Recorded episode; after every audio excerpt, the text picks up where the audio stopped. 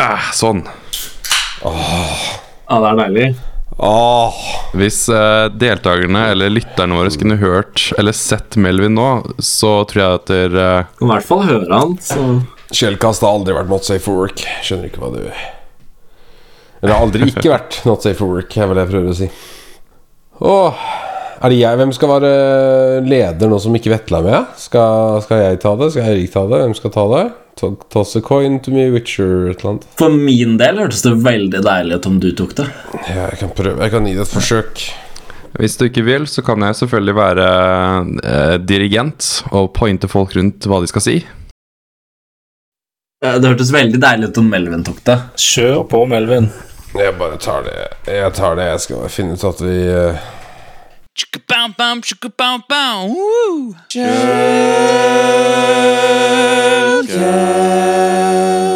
Hei, velkommen til episode Nei, jo, åssen er det han sier det? Jo?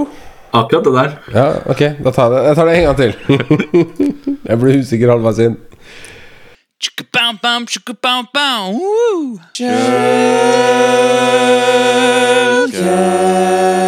chicka-bam-bam! Hei, velkommen til episode 0x3b, eller 59, av Skjellkast. Jeg heter Melvin. Jeg jobber som eh, penetrasjonstester over timer, og du finner meg på Twitter som uh, at Flangvik. Hei, jeg heter Tobias. Du finner meg ikke på internett, men hvis du gjør det, ta og send meg en melding. Jeg heter Eirik, jobber som Red Teamer, og du finner meg på Twitter som 0xsv1. Hei, jeg heter Øystein. Jeg jobber med Blue Team i privat sektor. Eh, Fokus på operasjonell teknologi. Du finner meg på Twitter som 0xtomg. Jeg må jo si Det er ganske gutsy å gå ut og si 'du finner Mac på internett', Toby. For da bare, bare hisser på deg alle som har lyst til å gå og søke i Bridge Databases og alt. Er det han vil? Er det han vil? Det er jo det som er poenget. Jeg vil jo at folk Du ber om å bli doxa, liksom? Ja, ja. Ja, vær så snill, dox meg. Eller ikke Oi. dox meg. Oi, oi, tok veldig, veldig av her, da. Vi er to minutter inn, og Tobias Til neste episode Dox Tobias. Podcast at 5h3ll.so. eh, Jeg skal ta det obligatoriske intro-greiene. Vetle er ikke med oss i dag, så det er jeg som har tatt over som, eh, som lead singer i bandet vårt. Eh, Lykke til med å høre på. Takk, ja, du beklager, først og foremost. Uh, Shout-out til Kvart Kvert som hoster merch Stormwall. Hvis du vil ha no Norsjek, Kvert eller Skjellkassen-merch, så gå bort på merch.kvert.no. Der kan du få kopper og hettegensere og T-skjorter og vannflasker og det som måtte være, hvis du har lyst til å være med og støtte Skjellkast. Eller du støtter vel ikke oss, all, all profitten går vel til en eller annen veldedighet av choice. Eh, Og per nå så har vi vel ikke solgt så mye at det er så mye profitt å dele til noen veldedighet av choice. Så, så når det skjer, så kommer vi tilbake til hvilken veldedighet som får dette. Så hvis dere ikke kjøper, så sender vi faktisk faktura til disse veldedige formålene, slik at de må betale oss. For det er, det er sånn det funker, ikke sant? Det gjør vi ikke. Men eh, vi har også en giveaway pågående. Vi har en såkalt War Story giveaway. Der hvor du kan vinne seks måneder med gratis Muldvad VPN i form av et Mullvad VPN Eh, måten du kan vinne på, er å sende inn en war story på e-posten vår podcast at 5h3ll.so, altså shell.so. Eh, Og en war story, der er vi veldig fleksible på hva som er en war story. Det kan være at du dret deg ut på jobb og nuka et par domenekontrollere. Det kan være at du, du, du feila når du skulle gjøre en social engineering engagement. Det kan være hva som helst. Det kan være at du, du, du fikk til alt, eller du ikke klarte alt. Det, vi er veldig var, løse. eh, var det ikke cutoff 28. februar? Jo, men vi extender Nei da, det er sant faktisk. Det var cutoff 28. februar. Eh, så vi burde vel egentlig gå gjennom snart. Gå gjennom, ja. ja gå gjennom. Mm. Han ene personen Ja, den lange, lange lista. Nei, det var en lang liste. Med, Ja, det var det jeg skulle Vi, vi må jo Altså, e egentlig så kan vi bare si at det, vi, har, vi har ikke fått noen War Stories. Har vi det? Vi har fått ingen War Stories? Null? Nei, vi har fått to gode lyttespørsmål. To gode. Fra Svein. Ja, Så da, da er det 50-50 mellom Svein og en til, da. Det er det. det. Det er Svein og Svein. Ok, ja. Skal vi ikke bare gratulere Svein, da? gratu- Gratulerer, Svein. Gratulerer! Gratulerer til Svein eller Svein. Hei. Gratulerer til eh, Svein, eller Svein, som eh, vinner da denne seks månederen med, med eh, Muldvad VPN subscription i form av et gavekort. Det, Svein, Svein eller Svein, vi når ut til deg og trenger kontaktinformasjon for å være enig med deg et fysisk gavekort, eller? Nei, du kan bare gi inn koden. Vi, vi, vi, Svein, du vil høre fra oss. We will find you. And we will give you that Muldvad VPN gift card. Om du liker det eller ikke. Ja, da, om du kaster det Det er, det er din skyld. Du skal få koden, i hvert fall. Apropos lytterspørsmål, Svein. Da, da burde vi jo ta dette lyttespørsmålet som vi fikk eh, nå sist uke. Eh, og lyttespørsmålet eh, kommer da fra Svein, eh, eller Svein, eh, og lyder følgende. IPv6 to enable or not to enable. Jeg ser gang på gang at IPv6 må disables for å redusere angrepsflaten, men Microsoft anbefaler ikke å disable dette i domenet. Hva er greia? Kanskje vi skulle bare hatt en spalte som het Hva er greia? Det, det er jo første Den er ikke dum. Den er ikke dum. Den er ikke dum, faktisk. Nei. For det er, det er en del sånne, sånne sikkerhetsting, eller sånne bransjeting, som er sånn Hva er greia, liksom? Og med det så takker vi for lyttespørsmålet. Nei.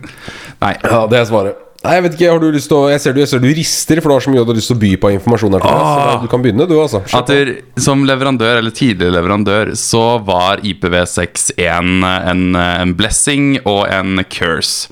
Uh, IPv6 eh, i, i sin curse-form er at det er mer angrepsoverflate, sånn som, sånn som du fint nevner. Men samtidig så er det den fleksibiliteten IPv6 tilbyr. At man har mye større IP-ranger og osv.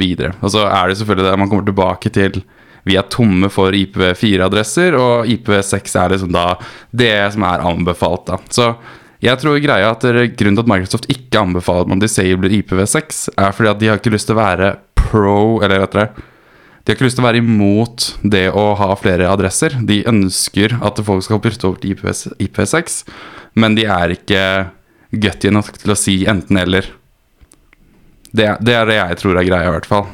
Uh, litt av problematikken her med, med når vi snakker om angrepsoverflate, er at det er en veldig kjent teknikk som angriper uh, datamaskiner som ikke har IPv6 disabla på et on-prem Windows Active Directory-nettverk. Eh, som går ut på at du eh, ah, Nå husker jeg jo ikke Nå er det så lenge siden jeg har gjort det. Fordi Ja, men eh, det, ja, Husker du det bedre enn meg, Erik? Hva det går ut på? Jeg vet ikke om jeg husker bedre enn deg, men jeg Ja. kan påstå å huske deler av det, i hvert fall. Litt av problemet er når du har eh, Altså Hvis du har IP4 og IP, altså IP4 er selvfølgelig eh, på, men hvis du i tillegg har IP6 enabled, så er det noen da hos Microsoft en gang i tiden som tenkte at det var jo greit når vi begynner å gå tom for adresser og alt mulig sånne ting, og selvfølgelig hastighet at uh, klientene i et on-prem AD-nettverk defaulter til IPv6.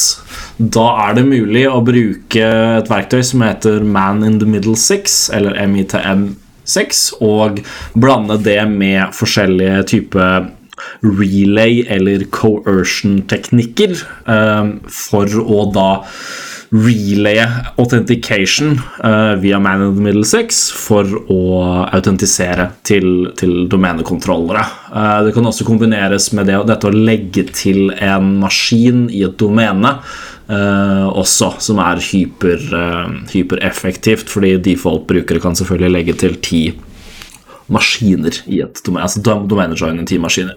Nå fant jeg readme-pagen som refresha minnet mitt her, og, og hovedexploiten her er at der, uh, hvis IPv6 er en del av som det er på default, så kan MM, verktøy da, MNT Man in the Middle 6 svare på DHCPv6-forespørsel på nettverket og tilegne seg selv som uh, gateway, og da, derfor spoofe uh, Unnskyld, DNS-server, og derfor spoofe DNS-request, og tvinge da maskiner som spør etter f.eks. disse VPAD-filene på nettverket, uh, at det er meg, og så, eller at det er da hosten med, som kjører verktøy, og så tvinger du authentication mot den hosten, og så kan du gjøre alt fra å relaye til å downgrade til å bare capture hashen, osv., osv. Så, videre.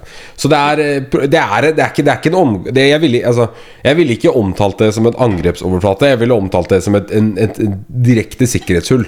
Altså Det er jo det det er. Det er jo det Kommer du på en pentest på et internt nettverk, og du ikke kommer noen vei med responder, password spraying, eh, default passwords eh, altså, og en drøss andre ting, så bare kjører du det med IPv6, og så 50 maskiner med IPv6, og så plutselig har du masse trafikk generert som du kan misbruke til et eller annet. da Og det er jo hypereffektivt eh, å kombinere det sammen med coercion, f.eks., uh, hvor du kan, du kan jo ta um, Det funker jo med det print, spoo, print-spooler, attacker blant annet, og flere andre av disse coercion-teknikkene som har kommet de par siste årene. Um, så ja, hypereffektivt.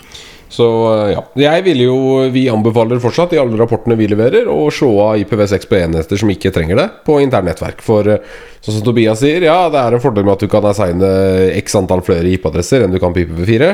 Men eh, med mindre problematikken din er at du går tom for IPv4-adresser på det interne nettverket ditt, som vil da si at du er en så jævla stor leverandør av et eller annet uansett, så så ville jeg bare satt en GPO-policy og disabla IPv6 by default på alle maskiner. Enkelt og greit. Så er det også det at um, Som er en del av oss igjen, kommer vi inn på Zero Trust og slikt uh, dritt. Men det er jo også det at man kan jo segmentere det her på, på, på nettverksnivå. Uh, mange typer servernett burde ikke alltid kunne snakke direkte på klientnett. Og det er jo sjelden til oss gir mening at to klienter skal kunne snakke med hverandre.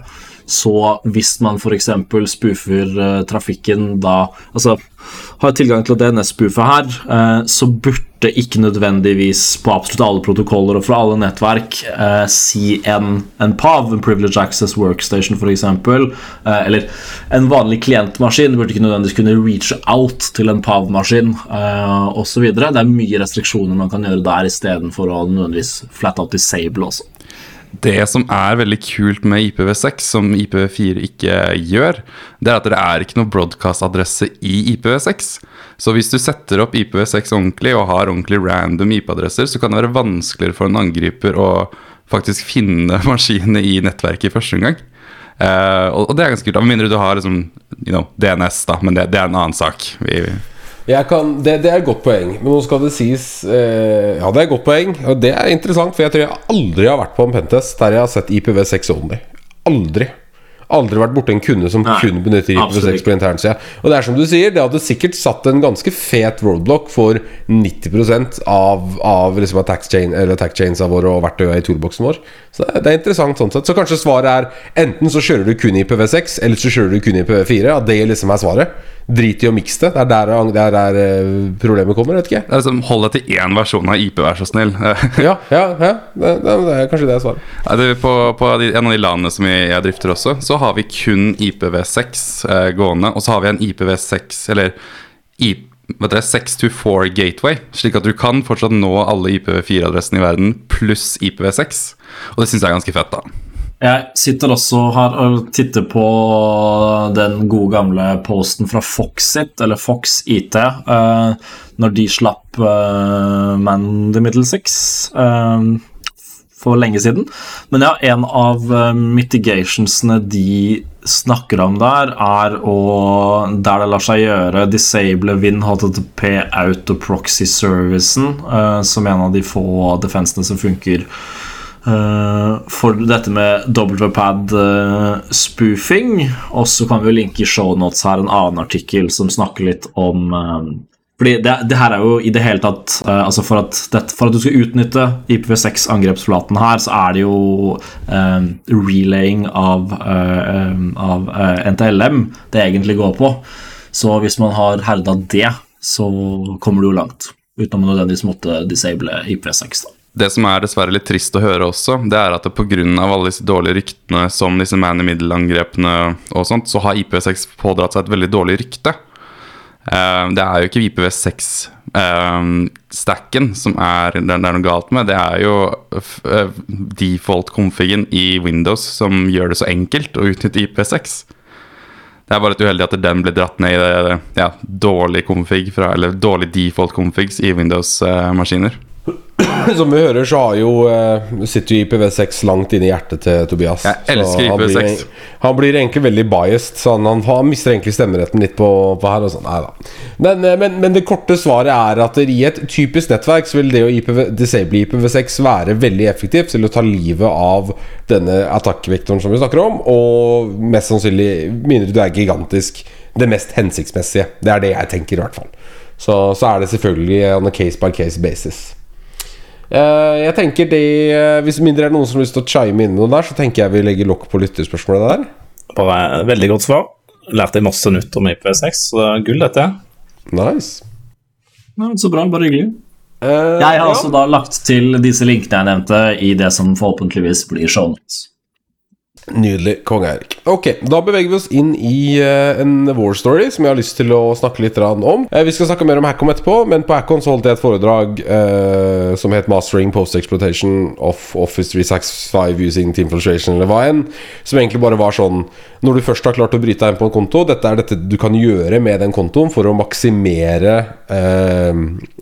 tilgjengelig angrepsflate og muligheter, pivots, og, og minimere tid brukt, da. Ikke sant? Dette med at hvis, du, hvis du klarer å breache en konto i Office 365, og enten da utføre f.eks. et MFA eh, fatigue attack, som, som, som vil si at du spammer MFA til brukeren klikker OK, eller at du finner en bypass i MFA, altså en conditional access policy-feil som gjør at du kan logge inn med en eller annen spesiell applikasjon eller fra mobilen eller hva det måtte være, så trenger du ikke mange minuttene med da det verktøyet som jeg har lagd som heter Team Filtration, for å kunne eksfiltrere ut gigabyte med informasjon eh, helt automatisert. Og Dette tok jeg da et eksempel med, med en Red Team som jeg hadde mens jeg var på Hackon. Så det var litt morsomt. Jeg oppdaterte presentasjonen liksom fortløpende mens engagementen gikk, for å ha det som et eksempel. Det er akkurat det hadde skjedd. At jeg hadde gjetta passordet på en bruker. Jeg hadde klart å finne en bypass i conditional access policyen. Og fra der så eksfiltrerte jeg gigabyte med informasjon, og så ble jeg kasta ut etter sånn 15-20-30 minutter eller sånt fra sokken deres. Sokken deres så kontoen, og så disable den. Eh, og da tenker man ah, det å respondere etter 30 minutter på en initial breach på en konto, det er god responstid. Det er bra, ikke sant? Ti av ti. Kunne ikke vært detektert og stoppa så mye fortere.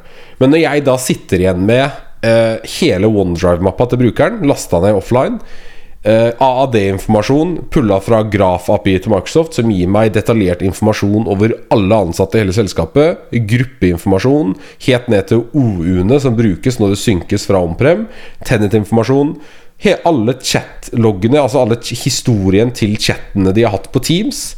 Eh, alle e-postene deres, inklusiv e-post-attachments og delte filer via SharePoint osv. Når du kan hente ut alt det her på minutter gjennom dette verktøyet da, som jeg har lagd, så er denne 15 minutter breachen like alvorlig som en breach på, på, på tre døgn. Fordi jeg har muligheten til å bare titte gjennom den dataen. Og så brukte jeg den informasjonen til å utføre en social engineering campaign og, og breacha selskapet. Uh, og oppfølgingen på den historien Jeg avslutta det foredraget med at jeg hadde breacha selskapet og fått initial access på en bruker.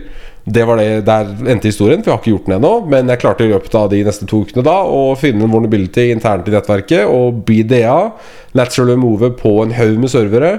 Inkludert eh, Det var litt morsomt, eh, fordi jeg, altså, jeg klarte å lateral remove og ta kontroll over SIM-løsningen deres. Så jeg kunne sitte og se på SIM-panelet og overvåke incoming alerts.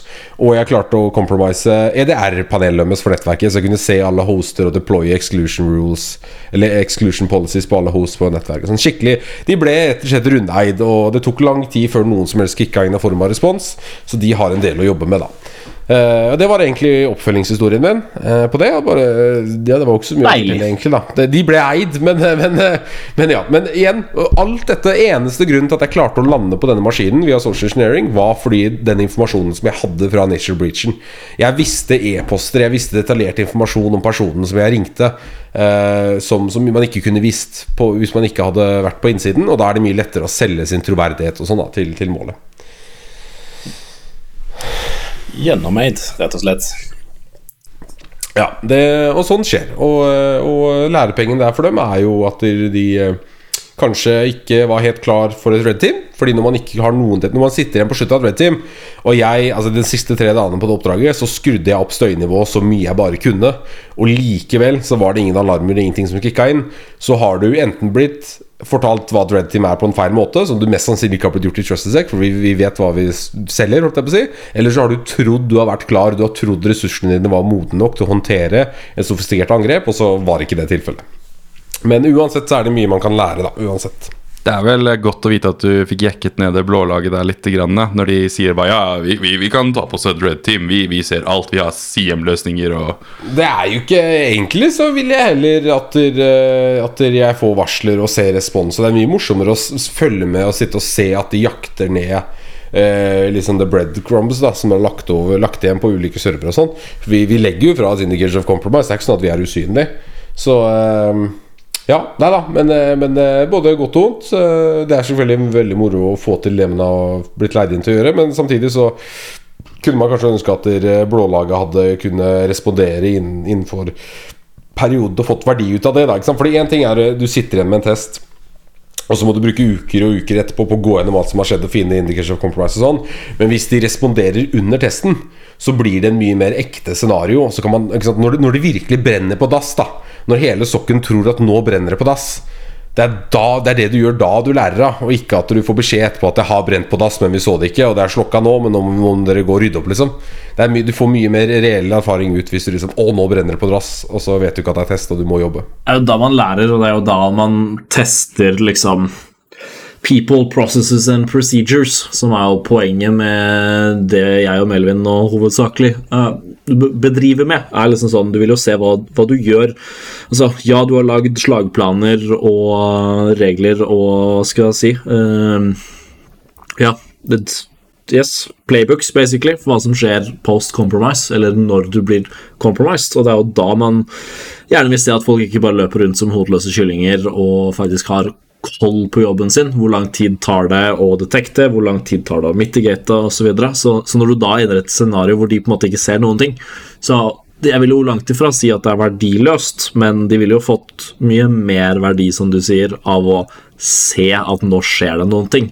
Og hvordan reagerer gutta? Hvordan håndterer de det her?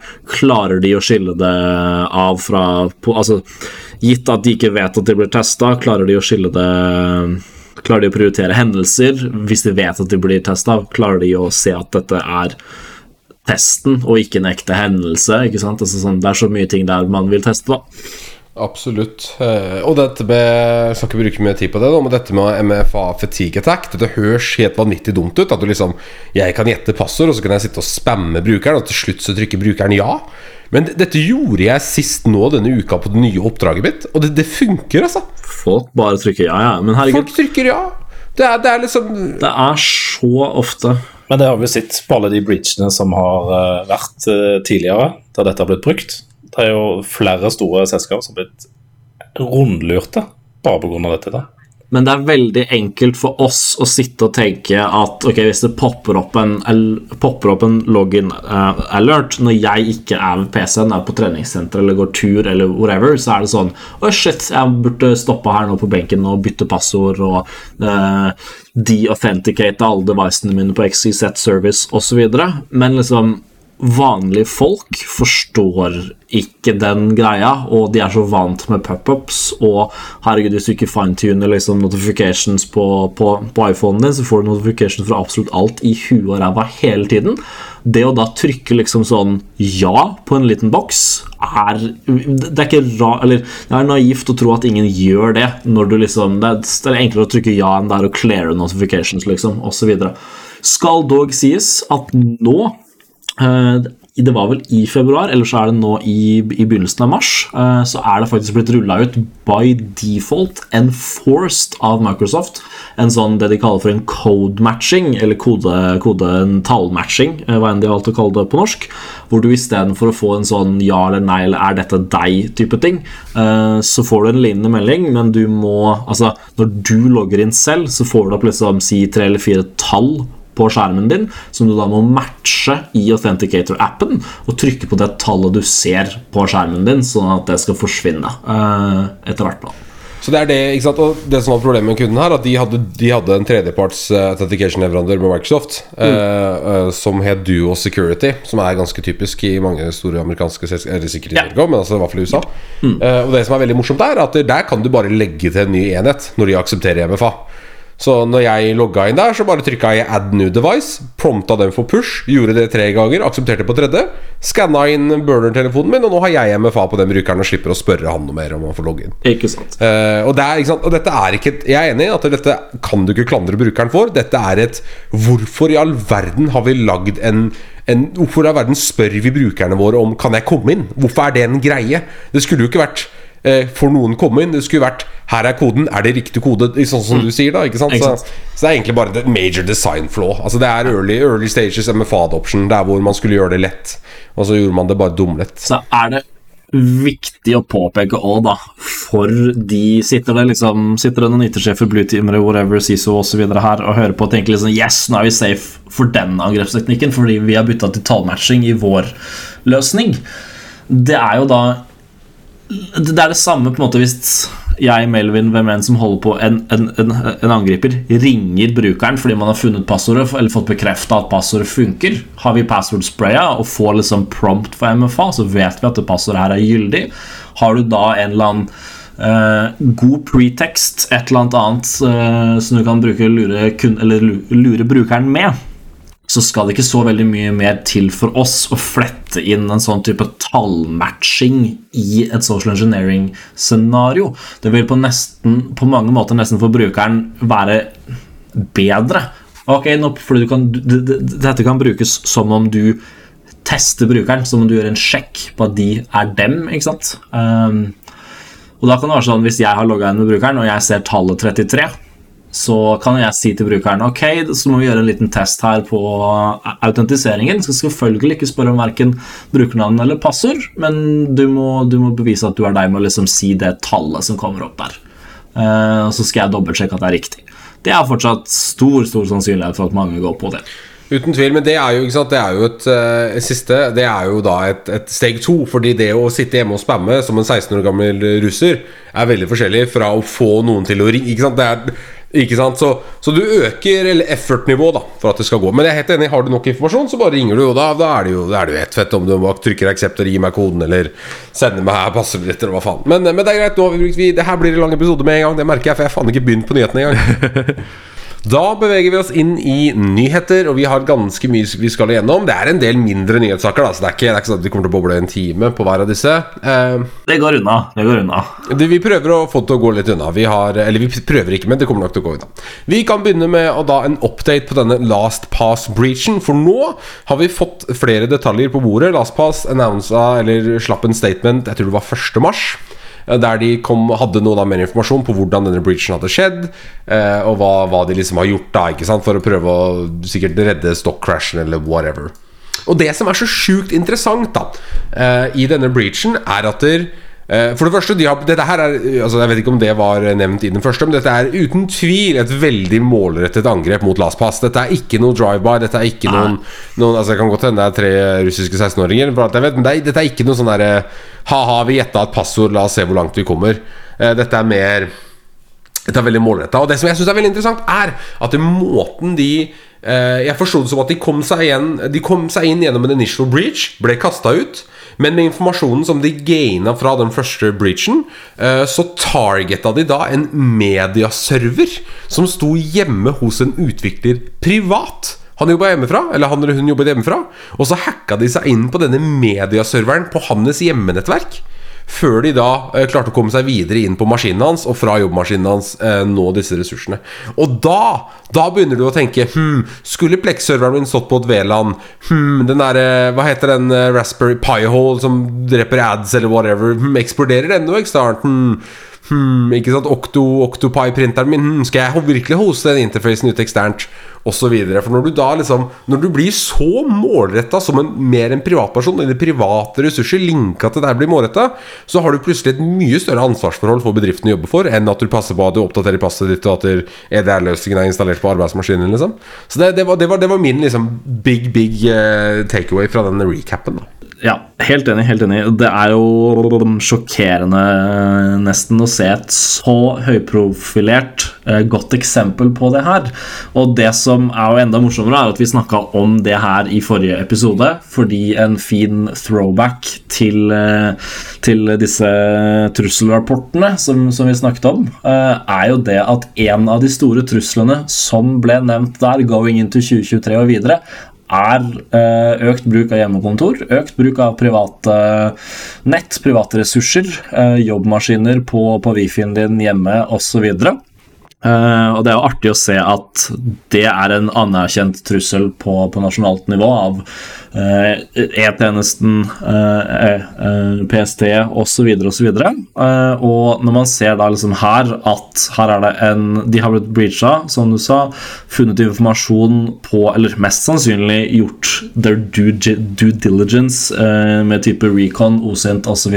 på eh, på de forskjellige ansatte. Sikkert sett at en, eh, at en ansatt har logga inn fra tilsynelatende det som resolver som en privat IP osv. Eh, selvfølgelig kanskje Shodana skanna litt etc. Funnet den sårbare Plex serveren eh, som det er snakk om her. Og her har de jo da ehm, kommet seg inn via altså en senior DevOps-engineer hos LastPass som hadde eksternt eksponert eh, en Plex-server, hvor de fant en remote code execution-sårbarhet i den. Eh, fikk logga inn på maskin, altså underliggende maskin på Plex-serveren, installert en keylogger eh, implant. Der igjen da fått eh, Eller via Plex-serveren fått tilgang til, til vedkommendes maskin. eh, Installert en keylogger. Der fått tak i masterpasswordet til eh, LastPass, altså LastPass Enterprise eller Corporate Voltet til han Kisen, uh, eller til vedkommende, og så da selvfølgelig pivota Der fant de credentials til um, der fant de credentials til eh, du, du, du, du, du eh, av S3 uh, production backupen deres, og så gått videre igjen derfra. Det er, liksom, det er så mange ting her. Det er så mange ting Fra hjemmenettsikkerhet til det å ikke overlappe jobb og privatliv. Eh, ikke bruke liksom den samme maskinen til å surfe på Gris eller VG som du, eh, som du har LastPass Volta ditt på, osv. Det skal dog sies at de nevner ikke Plex spesifikt. De refererer kun til en third party media software. Så det er ikke sikkert at det er Plex, men høyst sannsynlig så er det Plex. Eh, og, og Plex har vel egentlig ikke hatt noen O-days relatert til det her i siste tiden, så vi antar at det var en veldig utdatert versjon av Plex, eh, som man rett og slett ikke hadde oppdatert. Men, men det, det vet vi ikke. Jeg ser også at de sier This was accomplished by targeting the DevOps engineer home computer and exploiting a vulnerable third party media software package. Så da Yes. tenker jeg kanskje den har hatt noe hjemmesnekra, og så er det noe der. Altså, ja. Det er i, i den Ars Technica-artikkelen fra ikke så veldig lenge siden her nå, fra 28. februar, så er Plex direkte nevnt. Ok, Um, så er da, Jeg kan jo quote her. Uh, according to a person briefed on a private report from LastPass who spoke on the condition of anonymity, the media software package that was exploited on the employee's home computer was Plex. Interestingly, the Plex, uh, or interestingly, Plex reported its own network intrusion on August 24th, just 12 days after the second incident commenced. Uh, the breach allowed the threat actors to access a proprietary database and make off with password data, usernames, and emails belonging to some of 30 million customers. Plex is a major provider of media, blah, blah, blah, blah, blah. Uh, it's not clear if, Plex, if the Plex breach has any connection to the LastPass intrusion. Uh, så har de prøvd, det er oppdatert faktisk den uka, eller rett forrige uke, 1. mars, eh, så har Plex fortsatt ikke confirma eller denia det, og venter på å liksom samhandle med LastPass. Pass. men ja, det virker jo som om det er Plex her, da.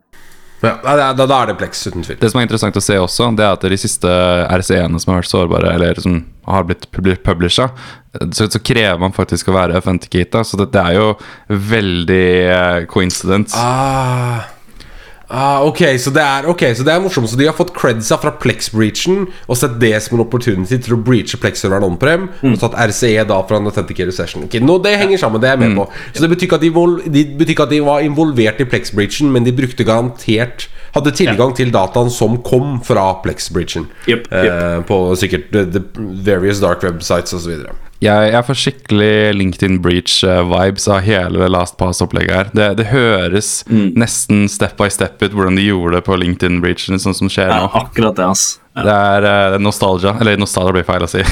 Og, og jeg jo, ikke sant Jeg eh, skal, skal ikke legge skyld på at jeg også har jo en Plex-server som jeg bruker internt hjemme. Og som jeg, så jeg kan se på TV-serier og filmer og sånn når jeg er ute og reiser og whatever. Og det er sånn Ja, Plexen min det er nå et eget V-land. Det er greit. Ja, det, det går fint, liksom. Det, er, eh, det trenger ikke, trenger ikke å snakke mer om det. Uh, så det men, men det er jo Ikke sant Det er jo Vi ser jo dette, dette står jo i stil med det vi snakka om forrige episode, eller forrige, forrige episode. At i PST og uh, Ja. tjenestens sånn der, uh, sikkerhetsanalyserapport for året, måtte så skrev de at de så flere direkte angrep mot privatpersoner som en måte å komme inn i bedriften. At det ikke var lenger bedriften sine direkte ressurser som var målet, men alle som hadde noe med bedriften å gjøre. Det er interessant. Det gir jo mening, da. Det å targete kunder eller employees direkte sine hjemmenettverk er jo ofte out of scope i forskjellige engagements, spesielt med Pentest. Så det gir mening. Og så er det veldig Altså eh, Grunnen til det er fordi at de typisk har ikke noe verdi. Ikke sant Hjemmenettverket til PL Pår og Kari har ikke en dritt eksponert. De har en dum eller smart eh, Xiaomi-pære i stua som ikke eksponerer noe. Ikke sant Men en DevOps-ingeniør har litt hjemmelab og litt hjemmeprosjekter og har disse da, ikke sant. Så det, det, det henger sammen med at jo mer teknisk du er, jo mer attack surface har du, og derfor som en privatperson så blir du kanskje også et mål som en del av, av bedriften. da. Så det er veldig interessant, og er, jeg er veldig glad for at vi fikk vite disse tallene rundt det. Så håper jeg selvfølgelig vi får vite enda mer detaljer i senere tid. Liksom spesifikt kanskje litt timestamps og litt sånn bevegelse, da. Men, eh, men ja. Og ref det som ja, både jeg og du nevnte nå, med dette med hjemmekontroll og sånn, er jo at tradisjonelt sett så har jo ikke Så tradisjonelt sett så har jo ikke store, den store majoriteten av liksom workforce, verken her eller i USA, uh, selvfølgelig mer utbredt i USA, å jobbe hjemmefra. Men det har jo ikke vært liksom vanlig før. Uh, og nå er det jo mer og mer folk som gjør det mange ganger i uka. Og selvfølgelig da når du tar med deg uh, maskinen din hjem kobler den på Telia-ruteren eller Get-ruteren eller uh, Telenor-ruteren din, whatever, hjemmesnekra Netgear, holdt jeg på å si, med dårlig passord osv., så, videre, uh, så er det plutselig veldig mange corporate sikkerhets, tradisjonelle corporate on-prem sikkerhetsfunksjoner som ikke er der lenger.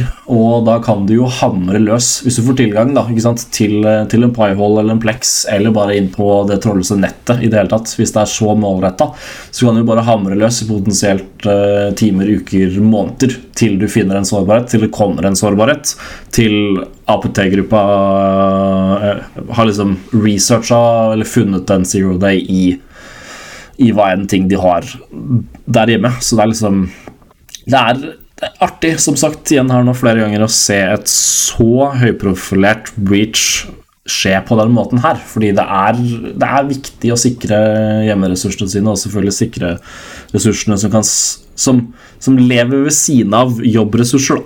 Jeg tror også at det, Det er kanskje hot take å si det her, men jeg tror eh, hjemmekontorløsningene har blitt dårligere over tid.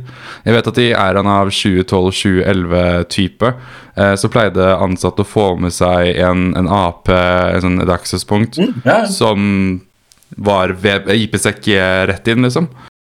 Edge-ruter, basically. ikke sant? Site, site to site. Ja. Ja. Og det, det løser jo problematikken med, med eksponeringen der. At jobbmaskinen din den kobler seg på wifi, den kobler seg gjennom den edge-ruter-dingsebomsen din. Og, eller via 4G eller 3G eller ja, modem. Og hvor mange folk er det som, som både hører på, som kan si at de har den løsningen her, men hvor mange folk generelt sett er det som liksom i det hele tatt har lagd et eget VLAN og et eget Wifi til jobbmaskinen sin? Ja, ja hvem, er, hvem er det som gidder? Ja, ikke sant? Hvem er det som gidder? Altså, ja. Det er jo så lett å være Ja, du så klart, Tobias, men uh, det, er, det er lett å være lat på hjemmekontor, da, tenker jeg. Det, denne, denne fellen tror jeg mange går på. Hint, hint, har du ikke gjort det, og du har hva enn Ubiquity-utstyr eller uh, PF-Sense eller whatever, ta for helvete. Sorry å banne. Ta, så, det tar fem minutter, liksom. Logg på den pokkers Ubiquityen, spinn opp uh, en egen SSID som du kan skjule eller kalle whatever du vil, bare ikke selvfølgelig jobb selskapsnavnet ditt. Og så kobler du jobbmaskinen på den og setter som requirement eh, at kun MAC-adressen eh, eller hva en annen identifier eh, du, du vil, kun kan authenticate der. Og selvfølgelig blokk snakking til liksom hjemmenettet ditt. Fiks ferdig. Og ikke, ikke minst uh, legg til hjemmenettverk i Scope til neste pentest. Men helt seriøst, hvor, altså, hvis du, altså, bare, bare si du kjører automatiserte Nessus-scans, da. Hvorfor ikke slenge en IP-adresse til ansatte i den, liksom? Why not? Det kommer til å være Hvis de kommer inn, så kommer det til å være low hanging fruit, for alt det andre er social engineering, og derfor en del av scopet til typisk Red Team sånn sett. Så mye av attack surfen app kan reduseres på å si ok, de siste 100 Eller de siste 10 IP-adressene hver ansatt har logga seg inn på på VPN-portalen vår hjemmefra, skann dem på Nessus. Det er ikke ulovlig å skanne. Kjør. Inn before du skanner Starbucks og, og sånne ting. Da. Ja, men det er ikke ulovlig. Det er lov å skanne. Sitter sikkert en eller annen sånn person med en master i something something legal her nå og rister, eh, men jeg er Nei, veldig enig i at det er en god idé. Men det er, det er lov å skanne i hele Europa, er det ikke da? Intention har mye å si. Er det det? Ja, jo, du har lov til å skanne. Vi er ikke Don't take legal advice fra oss, by the way. Ja, ja, ja det, det var god follow-up. Ja, do not take legal advice fra, fra oss halvveis ned i noen. Um, nei. Ja. Jeg, men jeg, jeg mener det, men ikke gjør det. Ikke gjør det.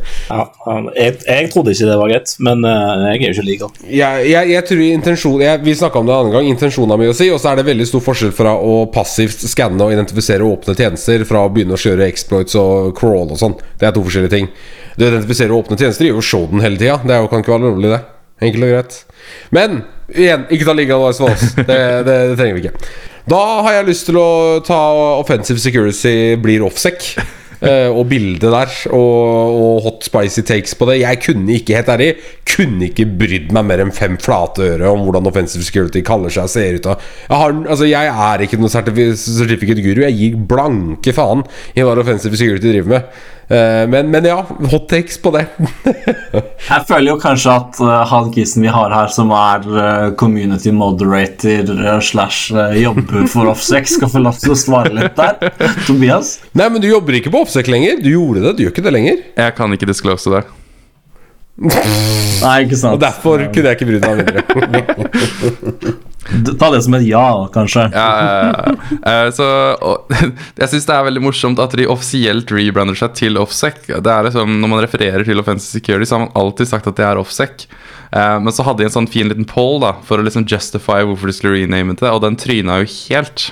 Jeg må, jeg må gå gjennom timelinen her. Ja, ja, ja, ja. Eh, veldig funny når du poster på discorden vår at uh, de har uh, sånn Ja, ny logo, kult, liksom, bytta navn, og så snakker vi litt fram og tilbake om det, og så um, lever litt av logoen, fordi den ser ut som Jernbaneverket eller uh, andre selskapet jeg fant her eh, sitt, Rockwell International. eh, helt, det er den samme logoen, liksom.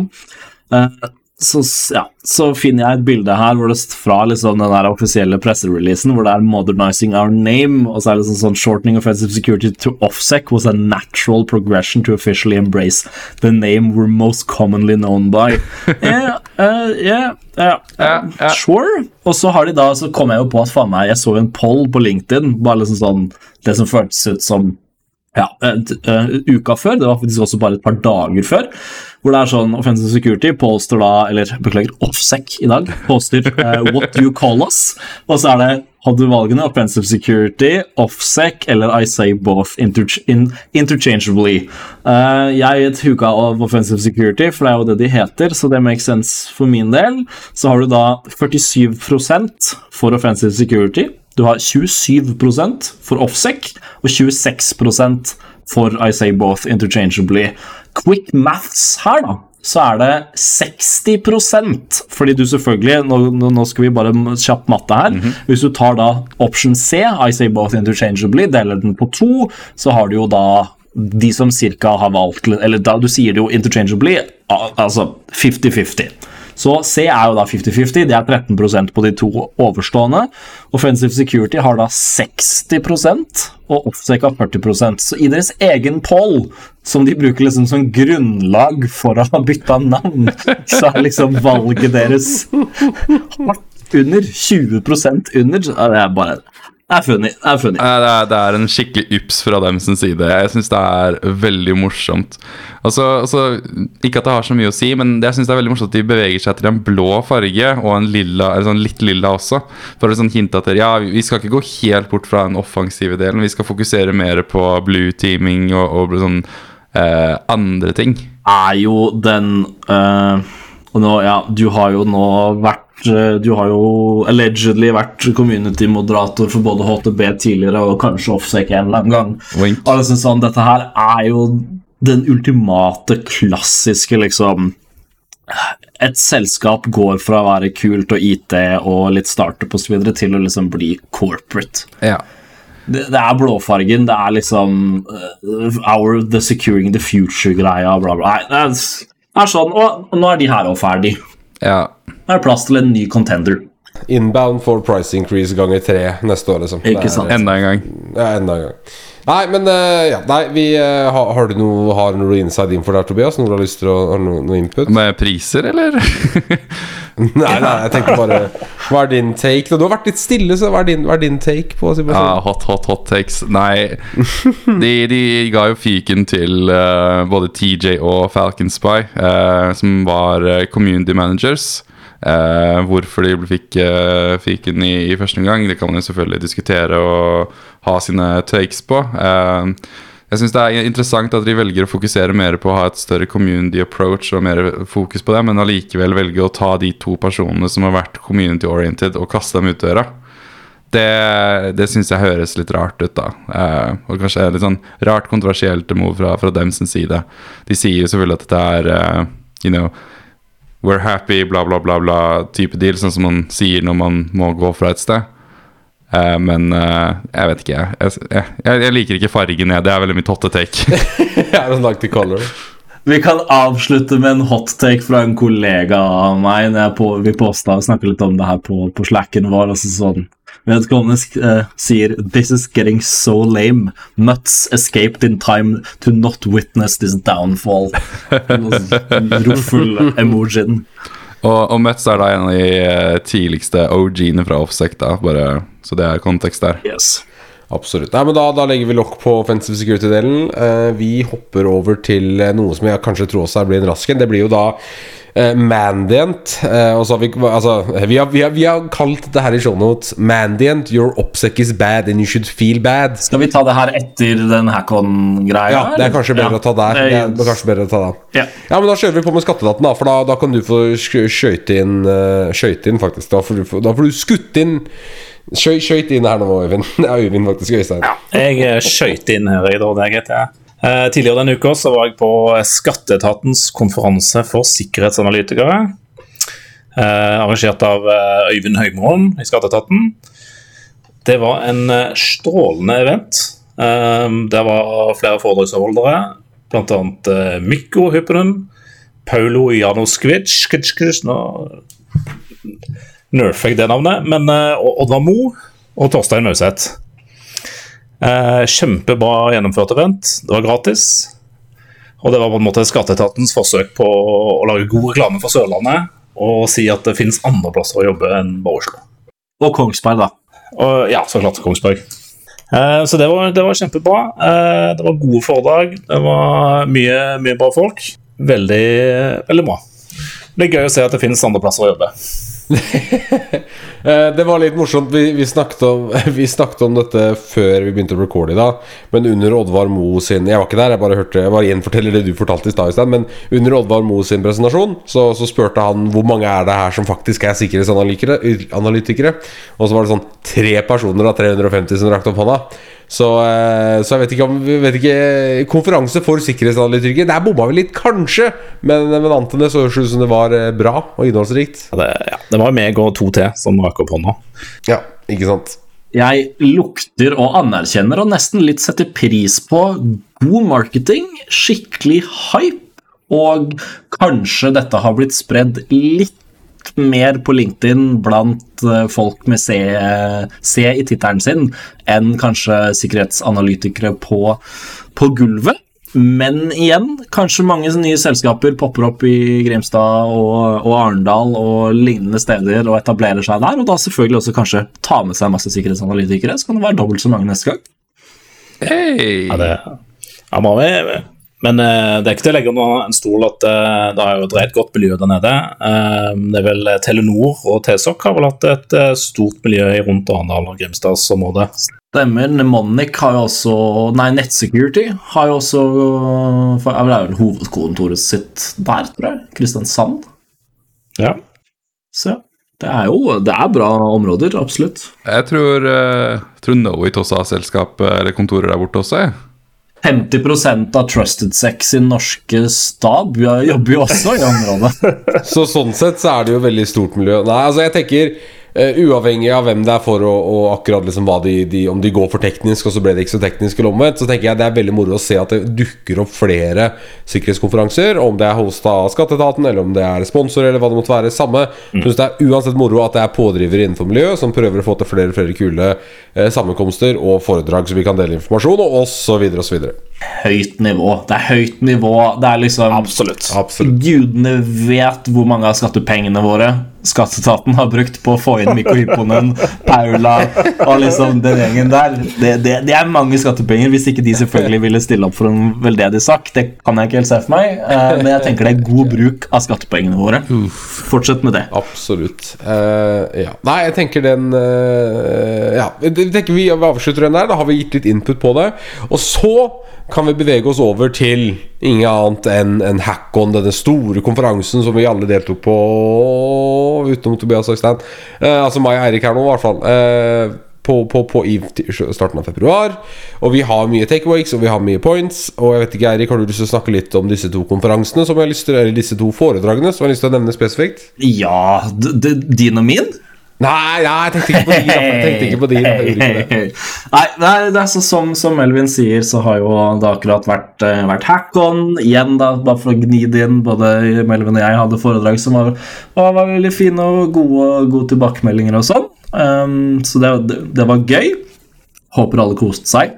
Uh, vi tenkte jo å nevne litt om da den uh, Paxman 22, og så den andre Upsec uh, Upset-talken. Melvin, har du noen ting å komme med på den Paxman, eller siden du la inn den? Uten at det var en fet crowdpleaser av en presentasjon? Altså, det var jo egentlig det, det du siste setningen der. Altså, det var en veldig bra det, altså, Take away fra Econor at det var veldig mange amerikanere der. Altså veldig mange ikke-norske foredragsholdere. En del amerikanere, og også deler andre steder i Europa også. Og det er alltid veldig morsomt, for de har ofte kanskje en litt annen tilnærming, og det er veldig interessant å høre dem eh, fremføre om, om, sine tilsvarende ting. Og, og dette med, med, Nick Traffen og Barack Javdi, jeg butcha sikkert begge to der, som hadde dette, dette vilt kule Cloud Pleaser av et foredrag der de eh, on stage demonstrerte eh, og, og, søkte utviklere til, til, en bedre versjon av, av hardware for, for card-cloning, egentlig. da eh, er, var veldig moro å se på, var veldig bra. Det var, ja, det var, det var dritmoro, det var ordentlig bra. Og jeg tror det, tror jeg liksom Det at man Ja, du trenger ikke å være verdensmester på fysisk sikkerhet, du trenger ikke å vite hva det er engang for, for å følge med på det her og få med seg at det er kult, at det er banebrytende, og du drar folk opp på scenen og du har en demo. Så det, det er moro å se, for da kan hackon fortsette å vokse, og det kan bli en, en kinger av en, en konferanse. For, for, de som ikke var der, da, en sånn kjapp TLDR på akkurat den talken, så, så var det ja, han Babak og Nick som har jobba med et prosjekt hvor liksom problemet de ønsket å løse, var at når de Altså, de driver noe som heter Red Team Alliance, uh, som er et selskap som spesialiserer seg bl.a. på fysisk inntrengning og gjør fullskala, full scope uh, Red Team-tester. Uh, og også sånn VIP-tester og executive-tester, som refte der er hjemmekontortesting og sånne ting, hvor de tester bl.a. sikkerheten til liksom villaene til uh, Fortune 5 CEO-er osv. Men problemet når de skal da bryte seg inn i diverse kontorer og hjem, og sånne ting, er at veldig mye av det utstyret som vi blir gira av og kjøper og liksom tenker at å, det her er fett Uh, ofte er knæsj rosa og oransje, og det er uh, grønt, og det blinker, og det er stort, og masse antenner og alt mulig rart som vi syns er kult. Uh, det ser veldig rart ut når du i dress skal liksom snike deg inn hos, hos et kontor, og du går rundt med masse hackerstuff, og du er super tactical og har mollegreier overalt. de jobber, med et, jobber med et prosjekt for å få en sånn super long range eller ja, high ja, long range, basically. Kortkloner. En typisk sånn der eh, garasjeportleser som de vanligvis går med i en bag. Uh, få den inn i en ryggsekk eller en bag, uh, og så da ha en Um, det som basically amounter til liksom en type en liten Raspberry Pi. Det er en modda Proxmark. Få den i en mye lengre modda Proxmark med den Bluetooth-modulen. De har bygd om den til å være mye lenger, sånn at den passer godt og veldig seamless, seamless, seamlessly inn i liksom bukselommer, dresslommer osv. eh, og kobla den da trådløst på den garasjeport eh, long range-leseren for å lese kort. Og så har de da modifisert og altså funnet flere forskjellige måter å få liksom haptic feedback på om du har både lest et kort og om du har skrevet kortet på det tomme kortet du vil skrive til. Um, og det de, det de gjorde, en av de demoene de viste fram, som de hadde lagd i Norge allegedly på, på hotellet sitt uh, noen dager før, var å bruke et, en vibrator fra et sexleketøy som brukte Bluetooth, og fått det inn i skoene til Babak, sånn at han kunne ha de på seg. Og da var det liksom sånn Venstre var les, høyre var skriv, så han, han kjente at det vibrerte i skoene sine. Så visste han om han hadde uh, både fått klona et kort og skrevet det opp på sitt kort. Og så hadde de satt opp noen veldig kule sånne her, uh, skjermer uh, hvor de kunne se om de hadde klart å klone målenes kort uh, etc. Så det var veldig kul videreføring av Proxman-prosjektene til han Iceman Keeson og det som Lab 401 har, som jeg ikke husker akkurat nå. Skal vi se hva den heter mens jeg googler det her. Den iCopy XS eh, og eh, ja, Proxmarken. Eh, Så de har da klart å gjøre det på en ja, mye mindre mm, hidden måte, som er mer profesjonelt. Litt sånn Q for James Bond, så jævlig kult, og de viste det fram live eh, on stage. Ikke en TLDR, men eh, en god forklaring. Det var en god gjennomgang, en god forklaring. Så det var et veldig bra foredrag, og som vi sier, en god cloud pleaser. Der hvor du egentlig ikke Hva sa jeg nå? Crowd pleaser? Så er cloud pleaser. Wow. Crowd pleaser, eh, som, som alle kan få med seg. Litt mye Team Filtration på deg. Ja, litt mye dagen. Ja, det er det. Eh, så det var veldig morsomt. Og så syns vi jo dette foredraget som het Oppsek, The Bad, The Worst and The Ugly in Your Daily Life. Eh, altså, de, altså da eh, Tomer Bar. Ja, Tomer Tomer, Bar. ja, jeg, Yes. Tomer Bar, jeg prøvde. Eh, samme foredrag som han hadde på Defcon i fjor. Eh, som var egentlig da Så jeg, jeg fikk faktisk ikke med meg det foredraget, eh, for jeg, jeg tror det var før mitt, så jeg drev og preppa. Men sånn som jeg forsto det, så, så gikk dette ut på at han hunta ned APT-grupper og så alle disse vanvittig dårlige eh, opp, uh, practices. Man kunne bare liste ut directories laste filer og compromise av CT-rammeverkene deres og, og liksom bare infiltrerte operasjonene deres. Riktig. La han ha lagd et uh, ja, Som et researchprosjekt. Han husker ikke hvem han jobber for, eller hvem han jobbet for da han startet, startet dette prosjektet, men det var jo en sånn APT Hunter, uh, Hunter Talk. Hvor han, gikk, han har lagd et rammeverk for å klassifisere dårlig oppsekk blant trusselaktører. Fra liksom the good, the bad and the absolute worst, LOL. Eh, hvor han da fant eh, alt fra Tinder-profilene deres til hjemmeadresser, fulle navn, bankkontoer osv. osv. Og og litt kontroversielt for noen i salen, eh, fikk jeg høre at han completely doxa disse, disse folkene. eh, med liksom fullt navn og bilene deres og, og alt mulig rart. Typ sånn e-postadresser og telefonnumre. Eh, det, dette er en diskusjon vi kan ta, på, ta, ta en annen gang, men jeg er jo kanskje en av de som syns det er litt sånn derre Det er fortsatt ulovlig å drive med hackback, eh, fordi du hacker privatfolk rundt omkring. Så det var litt på grensen, kanskje enkelte steder, men veldig underholdende. Vi syns jo selvfølgelig det er kjempegøy å se på trusselaktører som blir eh, eid, selv om det er vanlige småbarnsfamiliefolk eh, som, eh, som gjør jobben sin.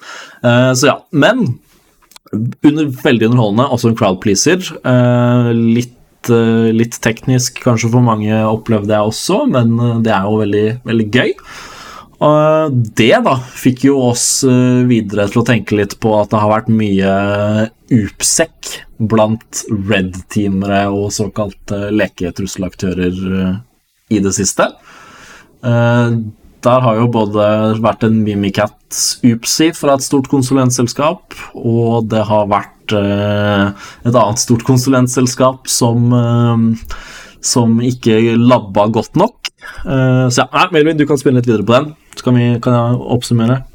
Det var jo da dette, dette selskapet som ikke labba så godt, var jo, eh, viste seg å være eh, ingen andre enn Mandiant, da. Eh, Der hvor det var, altså På Twitter så finnes det en del sånne halvautomatiserte botkontoer som kontinuerlig oppdaterer eh, oss på de, liksom, de, de nye truslene. Da. Nå har jo OneNote tatt helt av de siste tre ukene.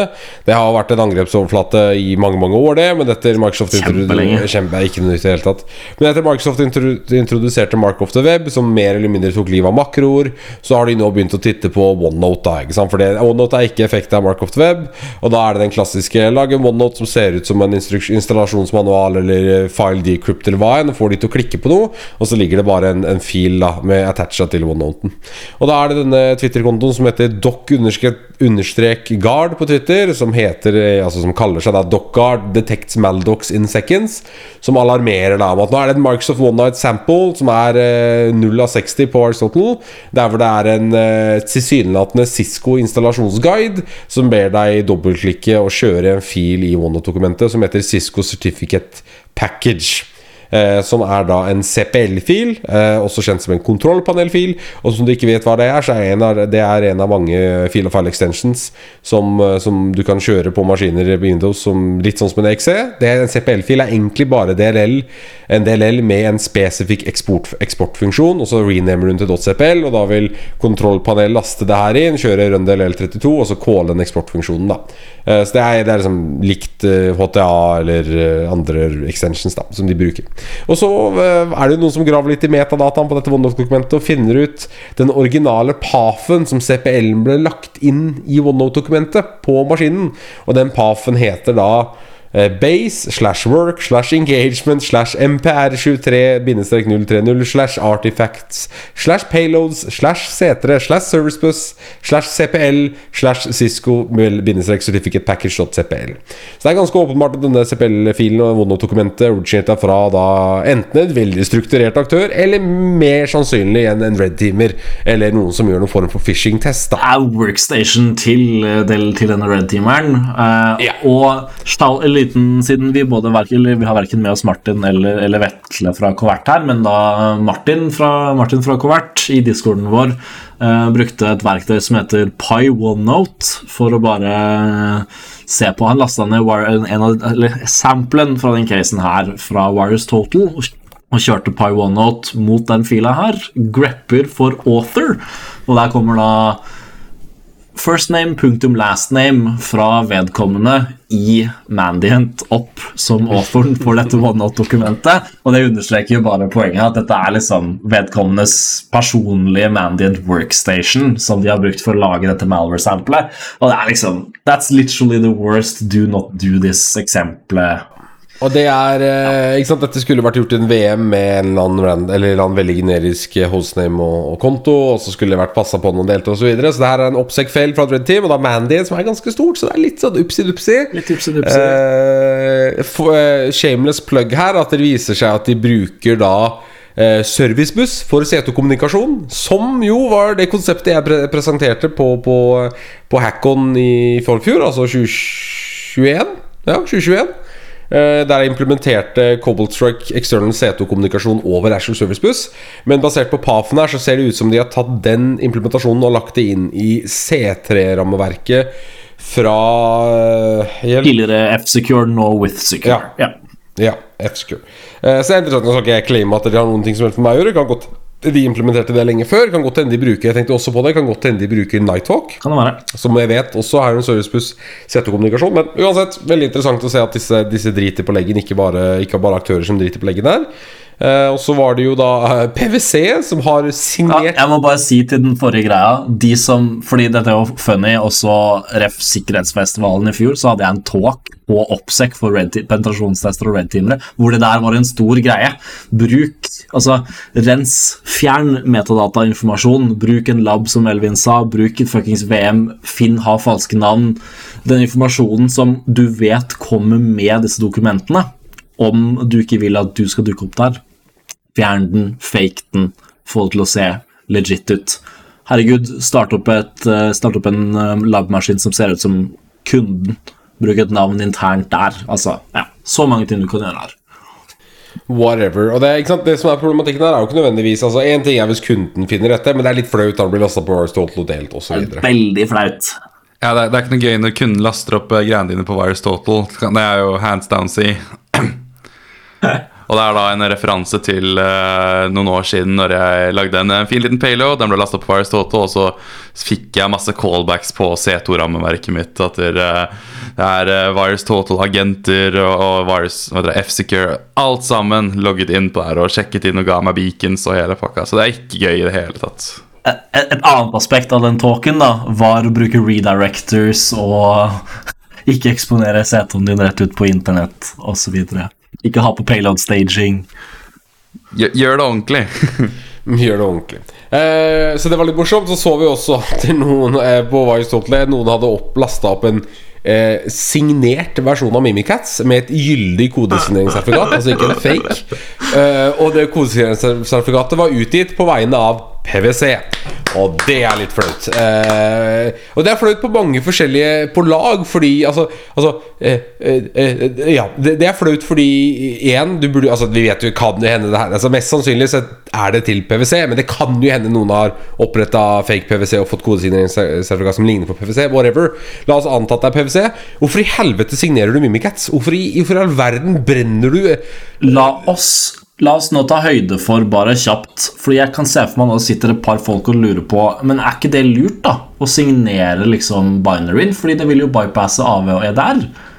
Kan vi, kan, kan vi ta det derfra? Hvorfor er det en dårlig idé?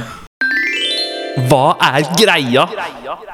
Altså, eh, ja, i teorien Kodesigneringssertifikater er kjent Altså, Poenget med et kodesigneringssertifikat er jo egentlig å validere at fila ikke har blitt tukla med på veien fra du laster den ned, til deg.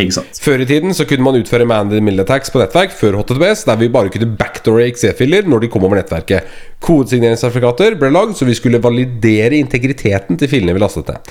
Kodesigneringssertifikater har også nå i senere tid blitt knytta til legitime applikasjoner og derfor fått good reputation i moderne EDR-løsninger. Så ja, det å signere en fil kan ofte få den forbi applocker policies, blacklisting policies på applikasjoner, og kanskje skippe Kanskje det er en exclusion da på er, er det signert, så blir det ikke detekta. Det, det er det veldig mange som har det. Problematikken her er at Mimikatz er vel den mest detekta blobben av binærdata i hele fuckings verden. Jeg tror det Altså, om det ikke er det, så burde det være en 60 ut av 60 på Aristotle. Så det å waste et kodesigneringssertifikat som ikke er altså, det, er ikke, det er ikke griselett, det er ikke kjempevanskelig, men det er ikke griselett å få tak i, og det koster penger og tid, på fuckings Mimikatz! Det eneste som er mer signaturt enn Mimikatz, er Eikar. Ja. Og det bruker man for å sjekke om AV-engine faktisk gjør jobben sin. Ikke sant? Så det er, det, det er, det er kjempetrist. Uh, og det er litt sånn Ja, intern do what intern does. Jeg vet ikke. Eh, men kodesigneringssertifikatet som ble signert med, ble gitt ut av Digicert i august 2022 og er gyldig fram til august 2023. eh, og er nå garantert blacklista på alt som fins. Så hvis det er en legitim PwC-applikasjon som har brukt denne stakkars kodesigningssertifikaten, good luck, ass. GG, få deg en ny sertifikat. Ja, så det, men, men ja, så det var litt lættis. er jo også veldig gøy da å i ref liksom oppsekt rundt uh, payload creations og red teaming osv. Vi selvfølgelig vet jo ikke om det her var bare en sånn detection validation exercise eller purple teaming eller whatever. Det burde uansett ikke vært gjort. Ikke på den måten her. Men det er jo så gøy også å se at her har de literally bare enten lasta ned liksom ferdigcompila Mimikatz eller compila det sjøl uh, og signert det eh, med liksom SIGTool osv. Men det er så gøy, fordi på som den fila her, by all means and measures, er literally en helt urørt versjon av Mimikatz. Du ser at det er fra Benjamin Delphi, det er liksom Mimikatz for Windows, det er produktnavnet. De har ikke gjort noen ting med den. Så hvis, hvis den er signert på basisen av for å unngå AV og EDR på en red team-øvelse, så er det liksom det er det er the worst effort. Det, det er helt meningsløst. Og på mange, mange, mange da, eh, EDR-er spesielt øker entropien på fila fordi det er en known bad som har blitt signert. Så blir den enda mer suspicious. Det her er uh, veldig interessant. Det som er, uh, det som er interessant, er at F-Secure ikke detekter den filen her som, uh, som Så ikke, ikke kjøp F-Secure, folkens. Men jo, det som er, det som er moro, er det kan jo hende, da hvis man leker litt med fantasien her, at det, kanskje noen har stukket av gårde med et kodesigneringssertifikat på PwC. Det også. Det var jo en av kommentarene mine på den casen her når vi snakka om det på Discord. Det er liksom sånn eh, Når Florian Roth posta det bildet her, så er det liksom sånn Første jeg tenkte, var Oi, shit, lol PwC. Men det andre jeg tenkte, er liksom, og som jeg skrev, men også Tenk så evil og potensielt enkelt det er å kjøre en false flag operation på sånn som det er. Fordi det er så mange nettsider nå hvor du literally bare kan google liksom det opprette eh, et, eh, et, eh, et, et, selskap, sånn som altså PwC Consulting her, et sånn LLC du, du, kan kjøpe det for et par hundre dollar i hvilken, hvilken som helst stat i statene, og bare liksom registrere typ hva som helst med minimal uh, verification. Og liksom, tenk deg impact det vil ha for liksom, Siden vi, vi hadde targeta La oss bruke Martin som eksempel nå. Targeta Covert og gjort liksom sånn false flag operation mot de.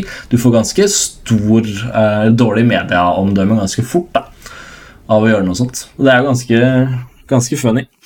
Jeg, jeg, jeg, kan huske at det for noen måneder siden så sirkla det rundt på Twitter eh, om det var eh, lov, eller etisk da, å bruke andre sine kodesigneringssertifikater i eh, engagement som de gjør selv. Det er mange som sier flat out nei til. Ja, og, da, nå kan man jo spekulere. da, Er det noen her som har funnet f.eks. PwC sitt eh, kodesigneringssertifikat og prøver å få det til å invalidere potensielt uh, bruk som de har sett senere, da? Det kan det være. Helt det klart. Det er jo ikke veldig vanskelig å finne kodesigneringssertifikater her ute som developers har lika som du kan bruke. Eh, vi, har, vi hadde den, Akkurat den diskusjonen du snakker om nå, hadde vi eh, veldig var hot topic internt en periode. Eh, spesielt når Nvidia-breachen skjedde og kodesigneringssertifikatene deres ble lika. Men vi fant jo ut at ja, en aktør ville gjort det, men dette er en av de tingene som bare får deg i for mye legal trouble som, en, som et selskap, ja, ja. potensielt. At det, det, er ikke, det er ikke verdt det. Da er det bedre å bruke et par tusen kroner på å skaffe et kodesigneringssertifikat selv, liksom. Uh, i, i tilfelle. Eller en veldig bra rammeavtale på advokater. Det er liksom Ikke sant? Ja, det er én av to. Men nå har de jo tjenester, eh, tjenester sånn som Komodo, f.eks. Altså sånn Komodo uh, Code Signing Certificates. Hvis du bare googler Bide Code, code Signing Certificate, så kan du kjøpe de for nesten liksom 50 dollar, 80 dollar, 60 dollar osv. Eneste du trenger, er en sånn certificate signing request, eller en CSR, eh, og en nettside som ser halfway valid ut. Noen sider, de litt mer legitime, krever at du liksom er en ekte nettside, og de får ringe deg og ta bilde av passet ditt og sånne ting. Mange av de litt mer shady her, som er godkjente CA-er, couldn't give a shit, de vil bare ha pengene dine, og så får du det sånn som uh, Sånn som uh, Sånn som uh, oh, Let's Encrypt med liksom request et valid uh, TLS eller SSL certificate. Yeah. Det hadde vært litt interessant å, å sett hvor sketchy du kunne sluppe unna med den der, faktisk. Mm. Veldig sketchy. Mistenker. Veldig sketchy. Komodosslstore.com slash codesigning aspects. Det her får liksom kjøpt det for 70, 70 dollar for tre år. Vi, vi, vi Kjell, da, vi signerer tekstfiler. Så hvis du har lyst til å ha en autograf fra oss, så bare si ifra. jeg signerer det med Komodo-certificatet mitt, jeg, altså. Kom igjen. Ja, det er interessant. Nei, men, eh, men, ja, det er interessant. Så uh, more of the stories. Pass på oppsekken din. Ikke signer Mimikats. Uh, og vi har én ting til som, som, jeg fikk litt gåsehud av når jeg så. Jeg våkna opp en morgen, og så leste jeg gå gjennom Twitter som vanlig, og så så jeg det at det, var et major Altså tweet, Tweeten lyder følgende. Den er posta av Falcon Fediso, eh, som jeg ikke helt vet hva er, men det er relatert til Cybersec. Han skriver Employee data from a major cybersecurity firm in the United States have been posted for sale on a on a hacker forum. Ooh. Private keys, several scripts, and a lot more data are contained in the 220 gigabytes of breach data. Uh, og da måtte jeg selvfølgelig inn og få Jeg tror det var du, Eirik, som klarte å fetche meg bildene fra salgsannonsen, for du har konto på forumet. Uh, Og da ser du filnavn osv., og, så videre, og at det er Dropbox du hovedsakelig har brukt. Og at det er en haug med RDP-konflikasjonsfiler til kunder av dette cybersecurity-selskapet.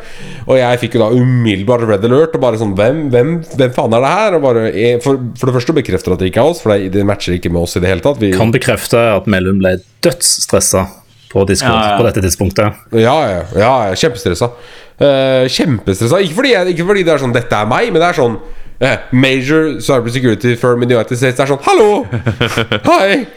Ruben posta her på discorden, og så du, du, Øystein, bare damn! Og så kommer Melvin sånn instantly på Jeg husker at det kommer opp på, på mobilen på discord. Ble jo ikke redd, jeg nå, da! Altså sånn crying face emojier, og vi fikk unblurra det. Det var, det var god stemning. Så det var veldig greit å bekrefte at det gikk var Per nå så vet vi ikke hvem dette er. Eh, det som er litt morsomt, er at den, den tweeten her, selv om han har 100 000 views, så har han kun 100 retweets og 300 likes. Mm. og jeg har ikke liket han eller retweetet han selv fordi Altså, ikke fordi jeg, ikke, ikke fordi jeg tror det er oss, men du jeg som, et, altså jeg som jobber i Starfield security firm, har jo ikke lyst til å retweete og ødelegge eller Jeg vet ikke, jeg. Jeg bare, jeg bare tenkte jeg trenger ikke å spre denne informasjonen, for dette, dette det, altså, det traff så nærme til hjerterota. Her brenner det på dass noe jævlig. Sånn, da, hadde jeg vært noen andre i situasjonen her, så ville ikke jeg dette skulle bli delt. Men vi vet per nå ikke hvem dette er. Eh, noen har kødda med at det er Deloitte. eh, men eh, jeg, jeg vet Altså, jeg aner ikke. Eh, major cybersecurity Altså det kan være det trenger, altså, Major cybersecurity firm in the United States Det kan være alt fra en EDR-løsning, det kan være alt fra Blue Team, det kan være alt fra Remediation, Offensive Security. Ikke sant? All, altså, hva er et cybersecurity firm, da? Ikke sant? Men altså, uh, hvor, hvor mye er denne dataen verdt, tenker jeg? Altså, dette må jo være the holy grail. Den vedkommende solgte det for 3000 dollar. Uh, det var lite. Det var lite, ja. Ja, veldig lite. Det er ganske lite, men det er fordi Jeg mistenker det er fordi at du kan jo ikke garantere at noe av det her leder til noe. Ikke sant? Hvis det, ja, det var 100 RDP-filer der, det er god sannsynlighet for at noen av de fortsatt er aktive til en engagement, men det er sånn hadde, hadde du solgt aktiv tilgang til denne maskinen, som denne dataen er tatt fra, helt annerledes. Ja, det hadde vært helt annerledes. Er ikke dette en typisk ting da, der er Pentest et selskap eller Red Team er, og så kommer du tilbake et år senere og skal gjøre samme oppdraget, og så er det jo samme, samme hullene, du finner er samme greiene. Det er sant. Så det, det, må jo være goldmine, tenker jeg, å få tak i denne dataen. Det kan være, og jeg tror noen av de unblurra screenshotsa vi fikk tak i, så sto det faktisk eh, security assessment osv. Så, videre. så det er noen som driver med sikkerhetstesting på et eller annet nivå. Majoriteten her er security assessment, security assessment, vuln scan, external test, scan report, detailed scan report osv. osv. osv. Ref oppsek og god hygiene og sånn igjen her, da. Ikke sitt på disse rapportene liksom i årevis i jævla docu documents-folderen din på workstation, liksom. Eh, Problematikken her var at de gutta hadde blitt Dropbox. Dropbox, Basert på informasjonen vi har, og det de skriver i posten, så brukte dette selskapet Dropbox som hovedlagringskilden for rapporten og dataen sin for å synke det. Det sånn Enda verre tilgjengelig overalt. altså sånn. Hjelp, liksom. Eh, så, så ja, dette er skummelt, for dette treffer jo liksom rett i ballparken vår, alle sammen. Uh, og dette er, altså dette er worst case. Hvis det kommer ut at du som et cybersecurity-selskap ikke klarer å holde folk ute fra fuckings Dropbox-kontoen din, og eller at du bruker fuckings Dropbox til å synkronisere sensitive kundedata, så har ikke du noe i cybersecurity-game å gjøre lenger. Da er du Kommer det ut, reputation ødelagt, du kommer aldri til å få kunder igjen. Og jeg skal love deg at det står i sovene og RFP-ene de eh, Nei, eh, RFC-ene her de liksom svarer på, er jo det at liksom vi sletter dataene til 30 dager, 60 dager når vi ikke har brukt for den lenger osv. Og, så videre, og så, og så orker de ikke og klarer de ikke å gjøre liksom god, god hygiene og ta vare på de, for det er kjekt å ha, vi skal tilbake neste år, bla, bla, bla. Mens, mens det samtidig står at de enten sletter de, krypterer de, ikke sant, osv. Så, videre. så sitter det da en, eh, en person her med på dropboxen sin og sikrer dokumentmappa si og sånne ting. Hundrevis med supersensitive rapporter og masse filer og RDP og ja, er så dårlig.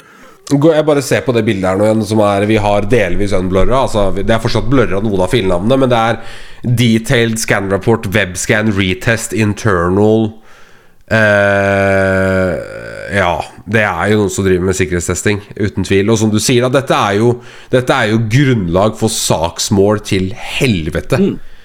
Ikke sant? Eh, så, så ja. Nei, jeg, jeg, ble, jeg, ble, altså, jeg ble bare sånn jeg ble, ikke- ble ikke sånn 'Dette er meg stressa', men jeg ble sånn Fy faen, jeg syns synd på de her, liksom. Ja, fytti. Eh, og noen av kundene deres er jo Jeg vet ikke om det er mange her som vi kommer til å kjenne igjen, men uh, CDF Capital, uh, Sentra, DVSS DSS, Kleinsmith her har jeg hørt om. Um, ja. Det er jo, Jeg googla noen av de når jeg fikk en blur av det her, og det er jo, noen av de er ganske store selskaper, bl.a. Hercules Kapital. Uh, og det er liksom sånn Doesn't look good for hvem nå enn det her er, da.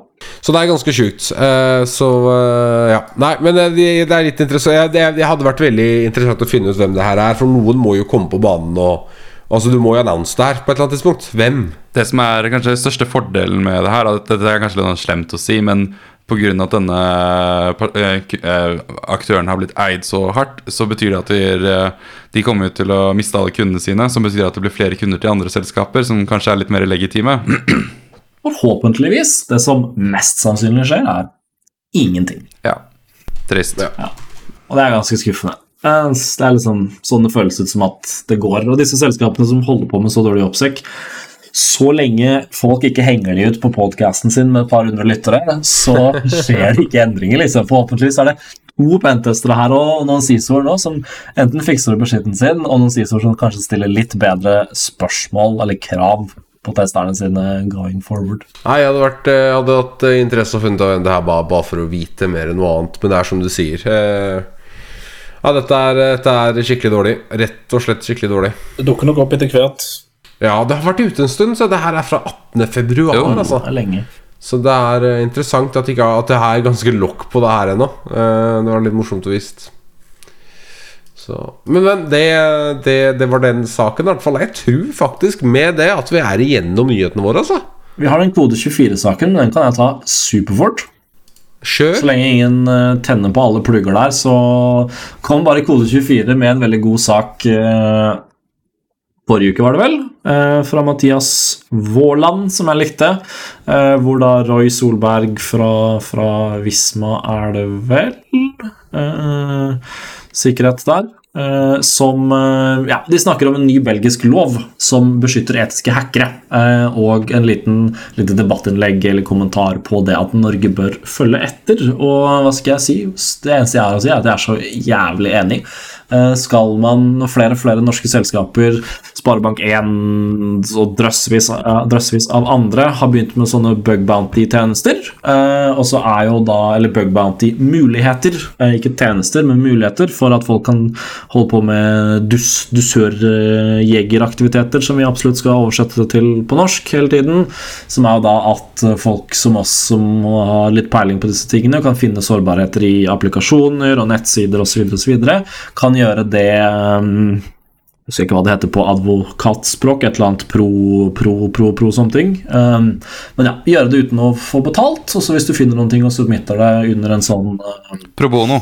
Uh, pro bono, helt riktig. Yes, så, så lenge du da bruker respons, responsible uh, disclosure etc., sier du faktisk selskapet ikke legger det ut på Twitter og sånn med en gang, så kan du liksom få alt fra noen hundretusener til noen tusenlapper til, en klapp på skulderen til en sånn Uh, I hacked the Dutch government-type greie og fikk en T-skjorte uh, rewards. Problemet her, da, er og det man ser, og nå skal jeg tråkke på noen tær, for det er litt gøy innimellom Det som har skjedd et par ganger i Norge, er at selskaper med bug bounty-programmer har reagert negativt mot bug bounty hunters eller dusørjegere fordi de har funnet ting som kanskje er litt sånn Kanskje litt flaut, kanskje litt alvorlig. Og så blir det litt sånn eh, det her kan, Nå må vi blande inn advokaten vår før vi kan gå videre, og det her kan du ikke snakke om, og du gikk kanskje litt over streken her og der osv. Uh, selvfølgelig det kan være en nyanser på disse sakene, to sider. Men det som ofte skjer, er at dusørjegere, bounty hunters, blir liksom trua, de blir forfulgt, de mister lysten til å holde på med det her fordi det får, eh, eller kan få negative konsekvenser, da, selv av selskaper som liksom utlyser disse programmene. Eh, og det da Belgia har kommet med nå, er en lov som beskytter etiske hackere. at Så lenge du liksom gjør det her med good intentions og dokumenterer det riktig, det er eh, responsible disclosure etc., så, så er du beskytta by law. Eh, at du ikke kan på en måte bli straffeforfulgt for det, gitt at du gjør det riktig. Eh, det syns jeg vi burde implementere også. Har ikke så mye å si der. Helt enig.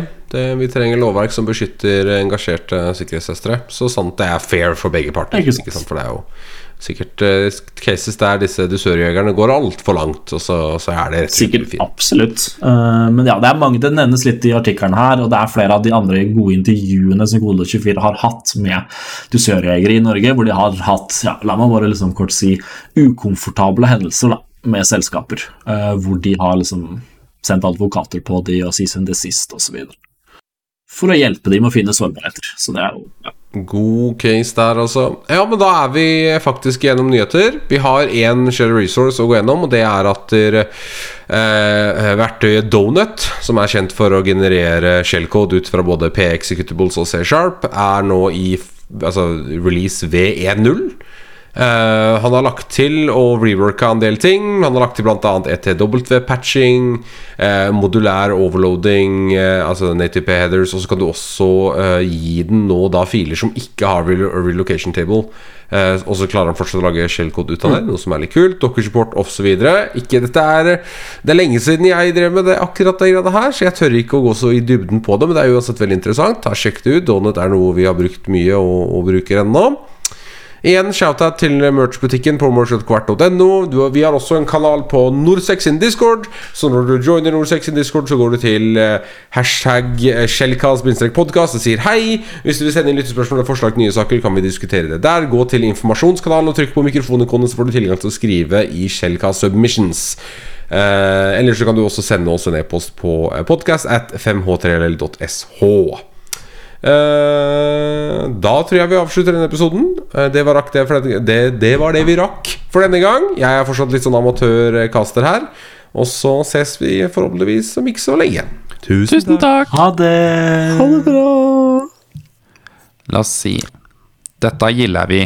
Ikke liv ennå. Ja, det, var, det ble en god ja, episode. det er bra. Det ble en god For å si det sjæl, det er ikke så mange som sender inn uh, lyttespørsmål og ris og ros, så for å si det sjæl, var en god episode. Det det- da, Fy faen for en episode, altså. Ti av ti. Topp tre, kanskje. Ja, det er bra, det greiene her. Så, så, så, så, så, så. Jeg så jo på Jeg så på Diggi, bare sånn litt eh, aftershow her nå, at de har Diggi forklarer tjenestenektangrep. Og det som irriterer meg her, det er at de som som regel har abonnement på Digi, det er som regel personer som har litt sånn teknisk eh, kunnskap. Du må, ha, du må ha Digi pluss for å forstå hva tjenestenekteangrepet er. Og det, det er sånn eh, Hæ? Sånn, det, det de prøver å formulere, det er jo at hva er et tjenestenektangrep? Og de som, som hvor de publiserer det, det er ikke i et media som gir mening å, å, å gjøre det. De som er på Digi, de er, er jo litt oppdaterte, tør jeg å si. Men nei. Det, altså, ja, jeg blir ikke like oppspilt som, som deg akkurat nå, men eh, det som er jo gøy, er jo at de da i tillegg prøver å bruke noe så enkelt for å forklare som tjenestenektangrep for å selge mer abonnement. Um, det, du kan garantert google det som Altså hva er et tjenestenektangrep, og få et bedre svar på NRK Beta. Og så Hei, få får bruke de 2200 Ja, kronene i året på, på Digi-abonnement. Ufint å ta betalt for eh, folkeopplysning. Ikke sant?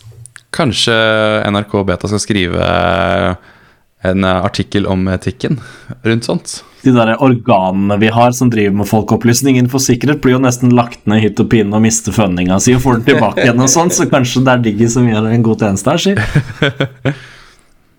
Nei, uff a meg, stakkars Norsis. Música